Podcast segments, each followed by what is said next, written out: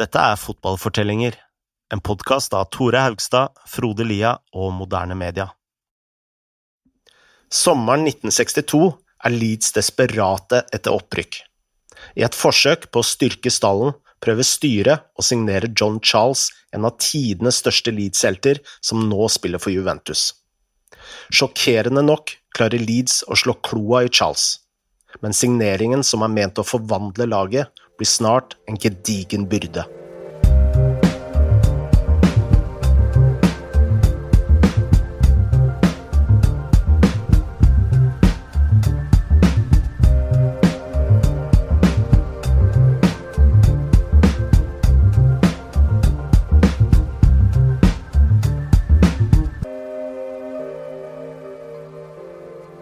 Vi er altså i 1962, et eh, år hvor Leeds så vidt hadde unngått eh, nedrykk til eh, tredjedivisjon. Og dette var på ingen måte et lag som hadde rett til å prøve seg på en av de største profilene i fotball-Europa på den tiden, men den sommeren gjorde Leeds akkurat det. De gjorde det. Uh, altså, kan tenke oss nå at en klubb i championship begynner å liksom sikte seg inn på en av toppskårerne i, i f.eks. i Serie A.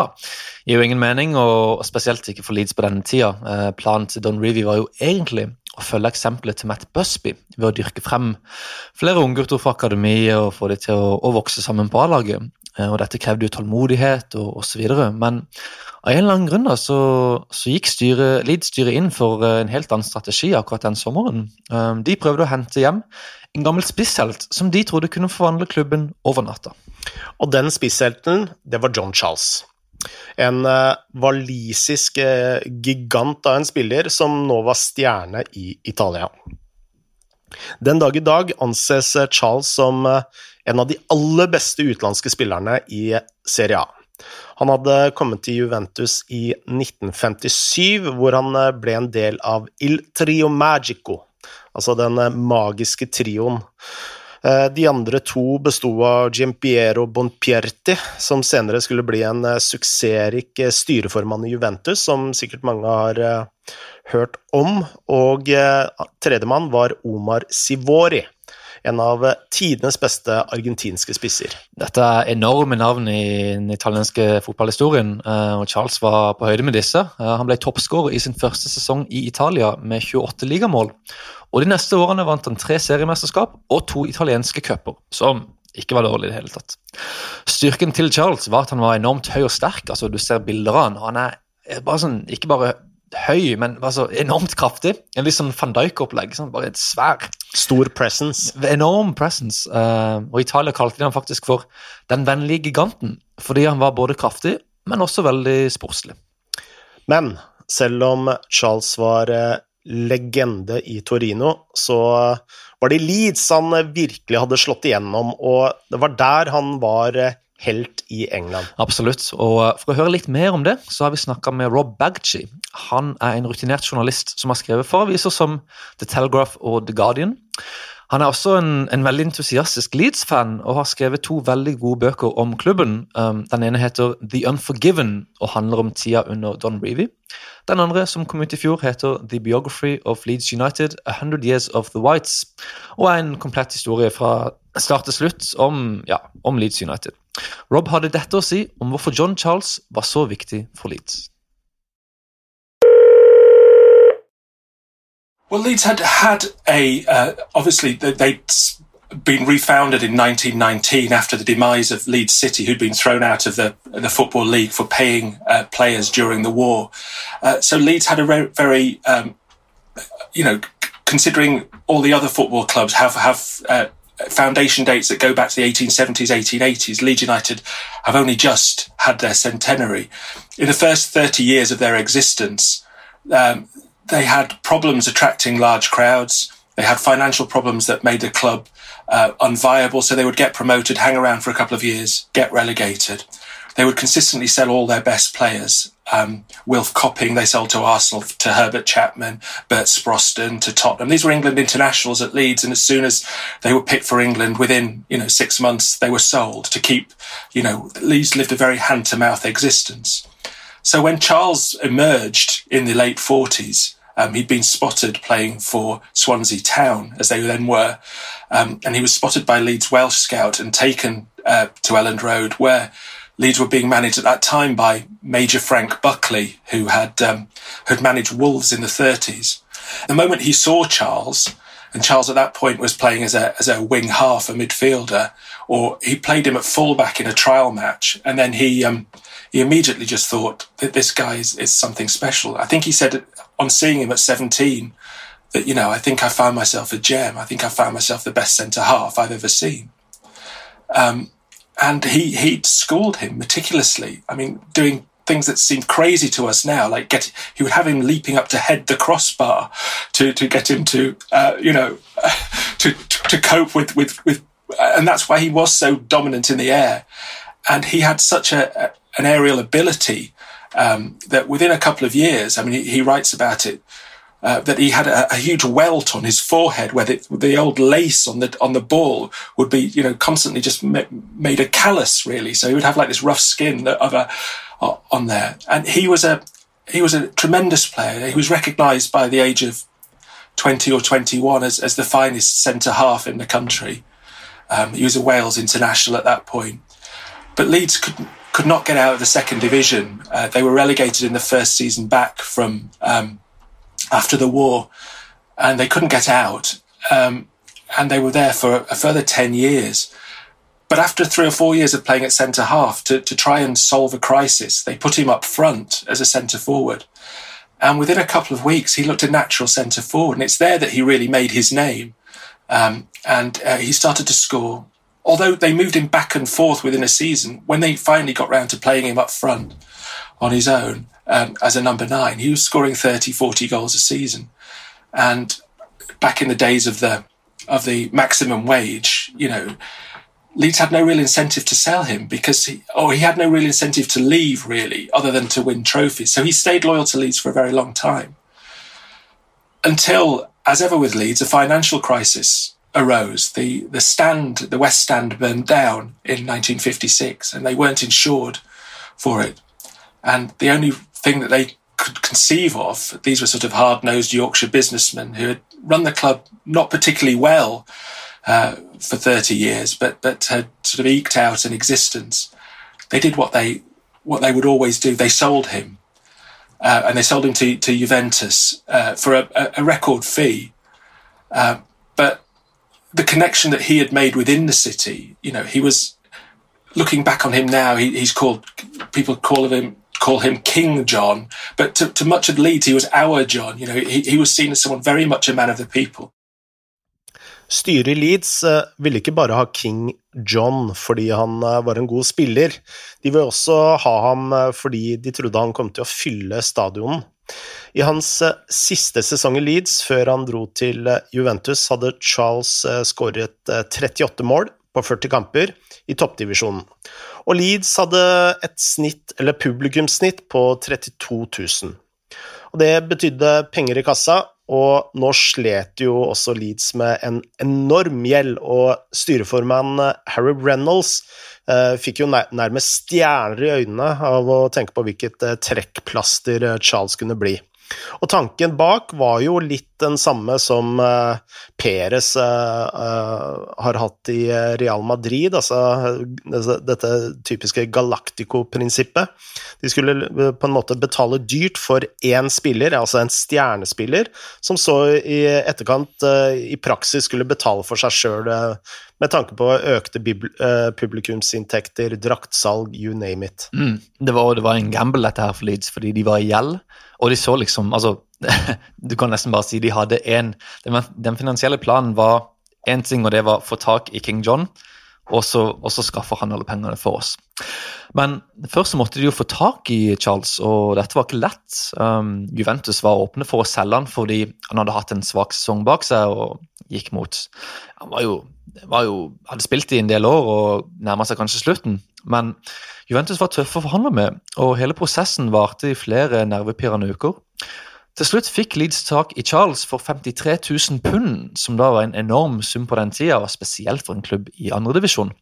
Men så fikk Leeds et problem. Uh, I England så var det normalt å fordele denne betalinga ut på flere måneder, altså såkalte installments, som det heter.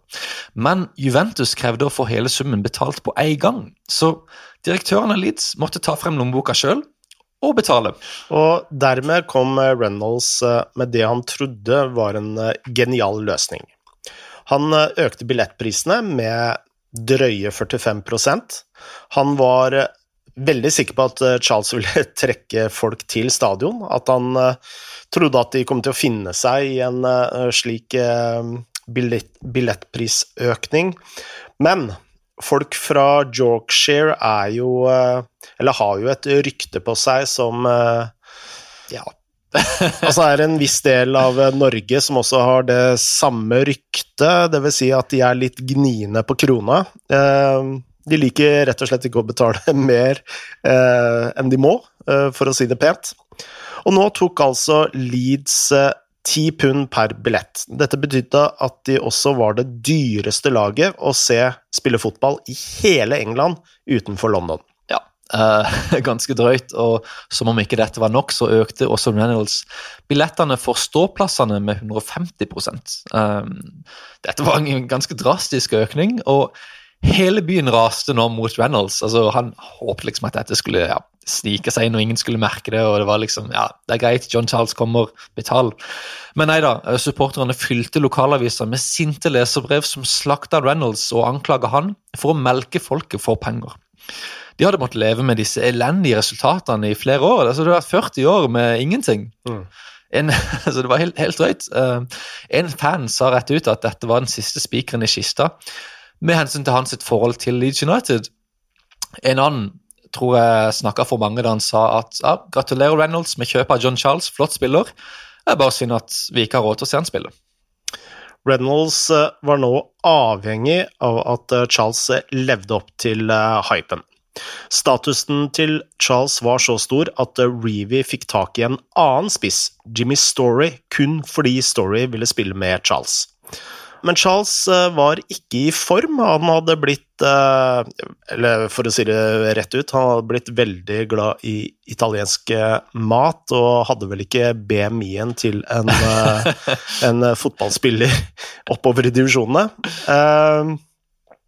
Og det var veldig usikkert om han kom til å levere med det, med det aller første. Mm. Leeds begynte sesongen med en 1-0-seier bort mot Stoke, som var lovende nok, men til første hjemmekamp mot Rotherham med Charles fra start, så dukka det kun opp 14 000 tilskuere. Dette var litt over snittet fra sesongen før, og jo, viste jo at i praksis at Charles ikke hadde noe effekt på tilskuerantallet. Eh, dette var selvfølgelig krise for Leeds sine finanser, men i stedet for å innrømme seg egen feil og liksom krype til korset, så raste Reynolds mot supporterne. Han kunne ikke skjønne hvorfor styret, som hadde betalt, altså kjøpt Charles og tatt den avgjørelsen, var forventa å betale mer for denne overgangen enn det supporterne var. Eh, Charles skåret i den kampen, men Leeds tapte 4-3, og dette var på ingen måte en god start på sesongen for Reynolds. Nei, og når du taper eh, fotballkamper, så begynner jo eh, presset å øke på både spillere og trenere, og klubb for øvrig.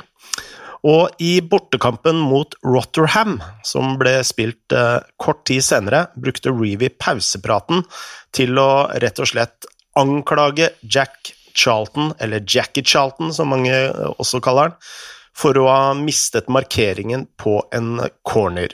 Og eh, Charlton, som, var, eh, som vi fortalte om i forrige episode, var jo en eh, hissigpropp ut av denne verden, og han var jo selvsagt helt uenig i den, den kjeftinga der. Og han kasta rett og slett en tekopp mot treneren sin, Reevy, som knuste i veggen. Og Charles satt der i garderoben og lurte sikkert på hva i alle dager er det jeg har blitt med på nå. Ja. uh, etter den kampen uh, skjedde det noe spesielt. Uh, Reynolds innså sin feil og måtte endelig innrømme at ok, vi kan ikke fortsette med disse prisene lenger. Han beklager offentlig til fansen og justerte ned billettprisene. Og umiddelbart så kom det 28 000 til neste hjemmekamp mot Bury. En dobling av at prisene var litt mer rimelige. Men Leeds tapte 2-1. Uh, og det var da styret innså at de ikke hadde råd til å beholde Charles. De var i enorm gjeld. De hadde tatt en enorm, et enormt sjansespill på denne spissen. Uh, og han kom ikke til å betale for seg sjøl likevel. Og Spesielt ikke nå som Leeds fortsatte å tape med han på banen. I neste kamp, borte mot Swansea, skjønte Reevy at han måtte prøve noe nytt. Planen hans fra starten av var jo egentlig å satse på gutta fra akademiet og eh, han hadde egentlig tenkt å gjøre det gradvis, men i Wales, mot Swansea, og da uten Charles, som var eh, skada, følte han at han eh, rett og slett ikke hadde noe mer å tape, så han henta fire spillere fra reservelaget og starta dem alle sammen samtidig. Mm. Disse fire var keeperen Gary Sprake, høyrebacken Paul Reaney, stopperen Norman Hunter og spissen Rodney Johnson. Ingen kunne vite det da, spesielt ikke Reevy, men dette var altså navn som skulle bli faste inventar for Leeds i lang tid fremover.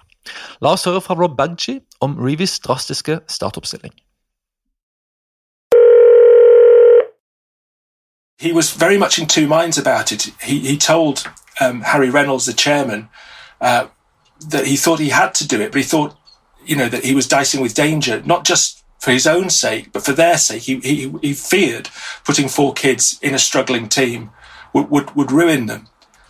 But it didn't. Um, I mean, for the first time, I think Jack Charlton was given the responsibility of, and Charlton had been a very truculent presence at, at, Leeds for the 10 years leading up to that, having arguments with everybody. But he was, in fact, a very sensitive soul who, who saw himself as, as bright and a coach. And he was obviously in the shadow of his brother. But he didn't resent his brother for his skill. What he resented his brother for was that he was playing for a club that had a purpose, that had a, an identity, that had a style, and were at least on the path to success, even if, you know, he could never think that would happen at Leeds. But he was given responsibility for organising the defence. And Reaney, who played at right back, and Cooper, sorry, not Cooper, Hunter at, at alongside um, Charlton, uh, sort of left half, but we're sort of evolving into a back four by this stage. And he cajoled them, he sort of coached them during the game. And I mean, the three of them were part of that back four, you know, from that moment on for the next 13, well, 11 years. So you already had three quarters of, the, of a defence there in one fell swoop with one decision that Reevy took. Johnson came in. He was a sort of workmanlike centre forward, reserved, hard running sort of player. He came in for for Charles, who was injured, and played in the number nine shirt, and I think he scored. And I think it encouraged Reevy to believe that actually I've got enough talent here, you know, that, that although I'm going to need some some pillars, I'm going to need some some experienced players around them the work that we've been doing in youth recruitment over, you know, even preceded Revi was about to bear fruit. Blant de fire spillerne som startet i Wales, hadde Sprake faktisk allerede debutert for A-laget. Men det hadde ikke gått veldig bra. Altså, han hadde kun vært 16 år da han ble kalt opp til A-laget fordi førstevalget Tommy Junger ble syk like før en kamp i Southampton. Reservekeeperen Alan Humphries var eh, også ute av form, eh, så i hu og hast ble Sprake eh, satt på et fly i Manchester, og dette var et av de små, vinglete flyene som kun hadde to, to seter. Mm. Jeg har faktisk flydd et sånn type fly når jeg uh, jobbet som designer og skulle trykke et, uh, en avis i uh, Linköping i Sverige. og jeg har aldri vært så redd i hele mitt liv. De virker livsfarlige. Altså, du kommer ett vindkast, og så bare mm, Ja, du, du føler du bare detter 20 meter rett ned av og til òg. Ja. så at Sprake var litt shaky etter den flyturen der, det må vi bare legge til grunn. Eh, da han var fremme, følte han seg så dårlig at eh, Reevy måtte bære ham ut av flyplassen og inn i taxien. Og det har jeg som kjent full forståelse for. Eh, kampen ble utsatt i et kvarter bare så Sprake skulle rekke avsparket. Og i løpet av selve kampen ble han slått bevisstløs i to minutter og slapp inn fire mål, blant dem et selvmål Uh, Leeds tapte 4-1, og samme kveld ble Sprake satt på toget hjem. Han slapp heldigvis uh, den uh, fly, flyturen hjem. der snakker vi om Ilddåp. Ilddåp, ja. ja. Heldigvis for Sprake og Reeves gikk det mye bedre mot Swansea i Wales. Um, Leeds vant den kampen 2-0, og plutselig hadde Reevy en ny gruppe unggutter som han følte han kunne stole på. Um, både Reevy, uh, sorry, Reenie, uh, Sprake og Hunter beholdt sine plasser i neste kamp mot Chelsea. Um, der brakk forsvareren Eric Smith faktisk beinet, uh, og siden det ikke var lov med bytte på den tida, så måtte Leeds overleve med ti mann. Likevel da, så var ungguttene i form, og Leeds vant kampen 2-0. Men Charles var et problem. Han var ikke særlig lysten på å gjøre den løpetreningen som Reevy mente var så viktig, og snart sto han med syv kamper uten mål. Han innrømmet faktisk at han slet med å sove om nettene pga. måltørken, Senere sa han rett ut at eh, hele overgangen hadde vært en tabbe. Og Det var egentlig Leeds-styret enige i. Um, snart begynte de å forhøre seg om noen ville kjøpe Charles. Visstnok begynte de å lekke litt sånne rykter rundt i italienske aviser og håpte på napp der. Uh, og det fikk de uh, hos Roma. Det tok faktisk ikke lang tid før de solgte han tilbake til Italia uh, for 65 000 pund, altså med en fortjeneste på 12 000 pund. dermed var Charles-eksperimentet over, eh, og det må ha vært en enorm lettelse for Reynolds og Leeds å få de pengene tilbake. Leeds eh, avslutta kalenderåret med et eh, tap mot Sunderland. Deretter gikk det hele to måneder før de spilte igjen. Grunnen var at England ble rammet av den kaldeste vinteren gjennom hele 1900-tallet, Altså, denne vinteren ble uh, uh, kalt faktisk The Big Freeze, som eh, kunne jo vært en B-film fra ja. Ikke 1900-tallet, men i hvert fall 90-tallet. Sånne ting avisene elsker å, å finne på. Noen av kampene i FA-cupen f.eks. ble utsatt hele ti ganger. Og siden Leeds var i nord, var det jo ekstra kaldt. Og da kom de også i gang mye seinere enn rivalene. Mm. Men til gjengjeld, når Leeds kom i gang, så var de i veldig veldig god form. De nye ungguttene fortsatte å briljere, og angrepet fungerte mye bedre uten store, tunge Charles, som ikke hadde lyst til å presse eller løpe etter langpasninger eller noe som helst.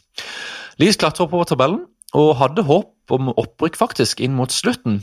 Men kampprogrammet var jo veldig brutalt for dem. De hadde åtte kamper i mars og ni i april, tror jeg det var. Uh, altså, ganske tøffe og intense uker der. Um, og det ble til slutt så brutalt at de gikk tom for energi. De endte til slutt på femteplass. Femteplassen la grunnlaget for en ny sesong hvor Leeds faktisk hadde realistiske håp om opprykk. Den sommeren 1963 gjorde Reevy noen grep. Han signerte i tillegg Johnny Giles. Johnny Giles? Giles, tror jeg er ikke sikker. Ja.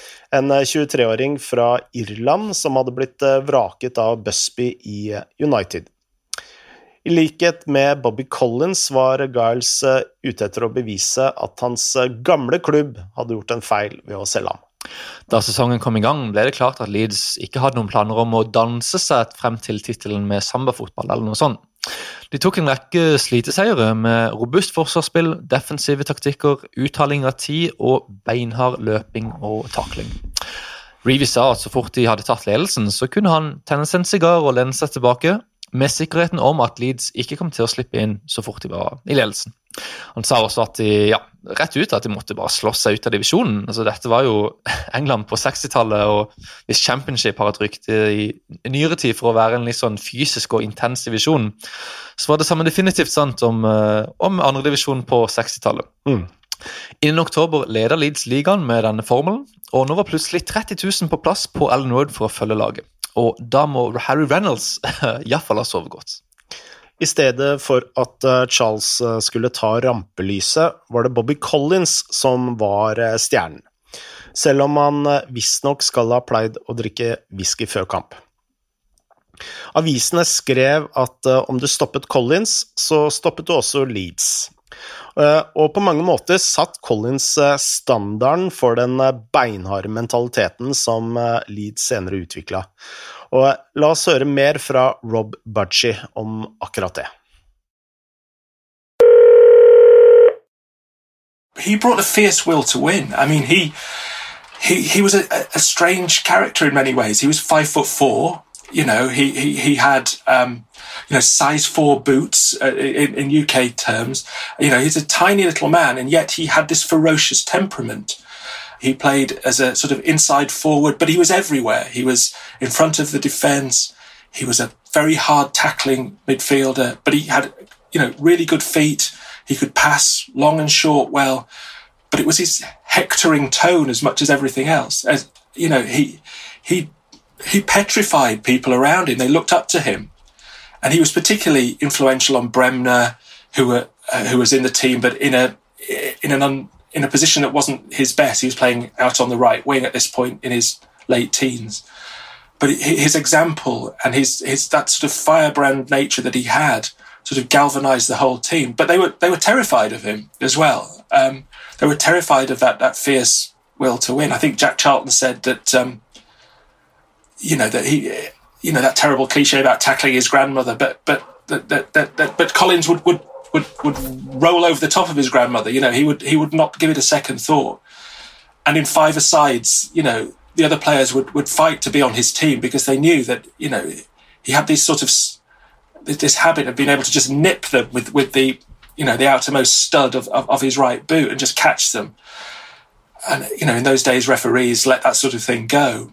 Uh, but yeah, he was. Uh, I think he was everything to Leeds. He was he was the what Reevy wanted he, while Reevy was transforming the club and on the field, he was transforming the team with with you know elevating and promoting players, signing players.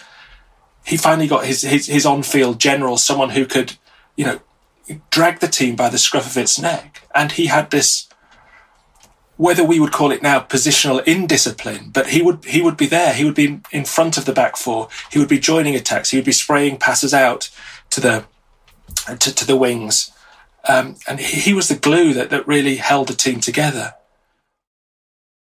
Med Collins som sjefen gikk Leeds snart 20 kamper uten tap. For å erstatte Charles henta Reevy også Alan Peacock, en spiss fra Middlesbrough som egentlig både var for god og for dyr for en klubb som Leeds. Altså Han hadde spilt for England i VM i 1962 eh, og hadde ingenting i, ja, i andredivisjon å gjøre. Men han hadde slitt veldig med kneet og var nå i slutten av 20-årene, så de fleste, inkludert Middlesbrough, trodde jo at han var ja, så godt som ferdig. Og det fikk Reevy til å ta en, en liten sjanse på han. Og det skulle betale seg, fordi Peacock slo umiddelbart til med sin enorme luftstyrke. Og utover våren marsjerte Leeds mot uh, toppen av tabellen. Med tre kamper igjen trengte de kun ett poeng for å sikre opprykket. Leeds uh, eh, kasta ikke bort noe tid her. De vant den aller første med 3-0 mot Swansea. Og dermed var Don Reeves menn klare for førstedivisjon. I garderoben etter kampen gråt Reynolds av glede. Han spratt champagnen og spanderte fish and chips på laget på veien hjem. Reevy hyllet spillerne, som nå kunne se frem mot nye eventyr i toppserien. Men det de ikke visste, var at Reevy vurderte å gi seg.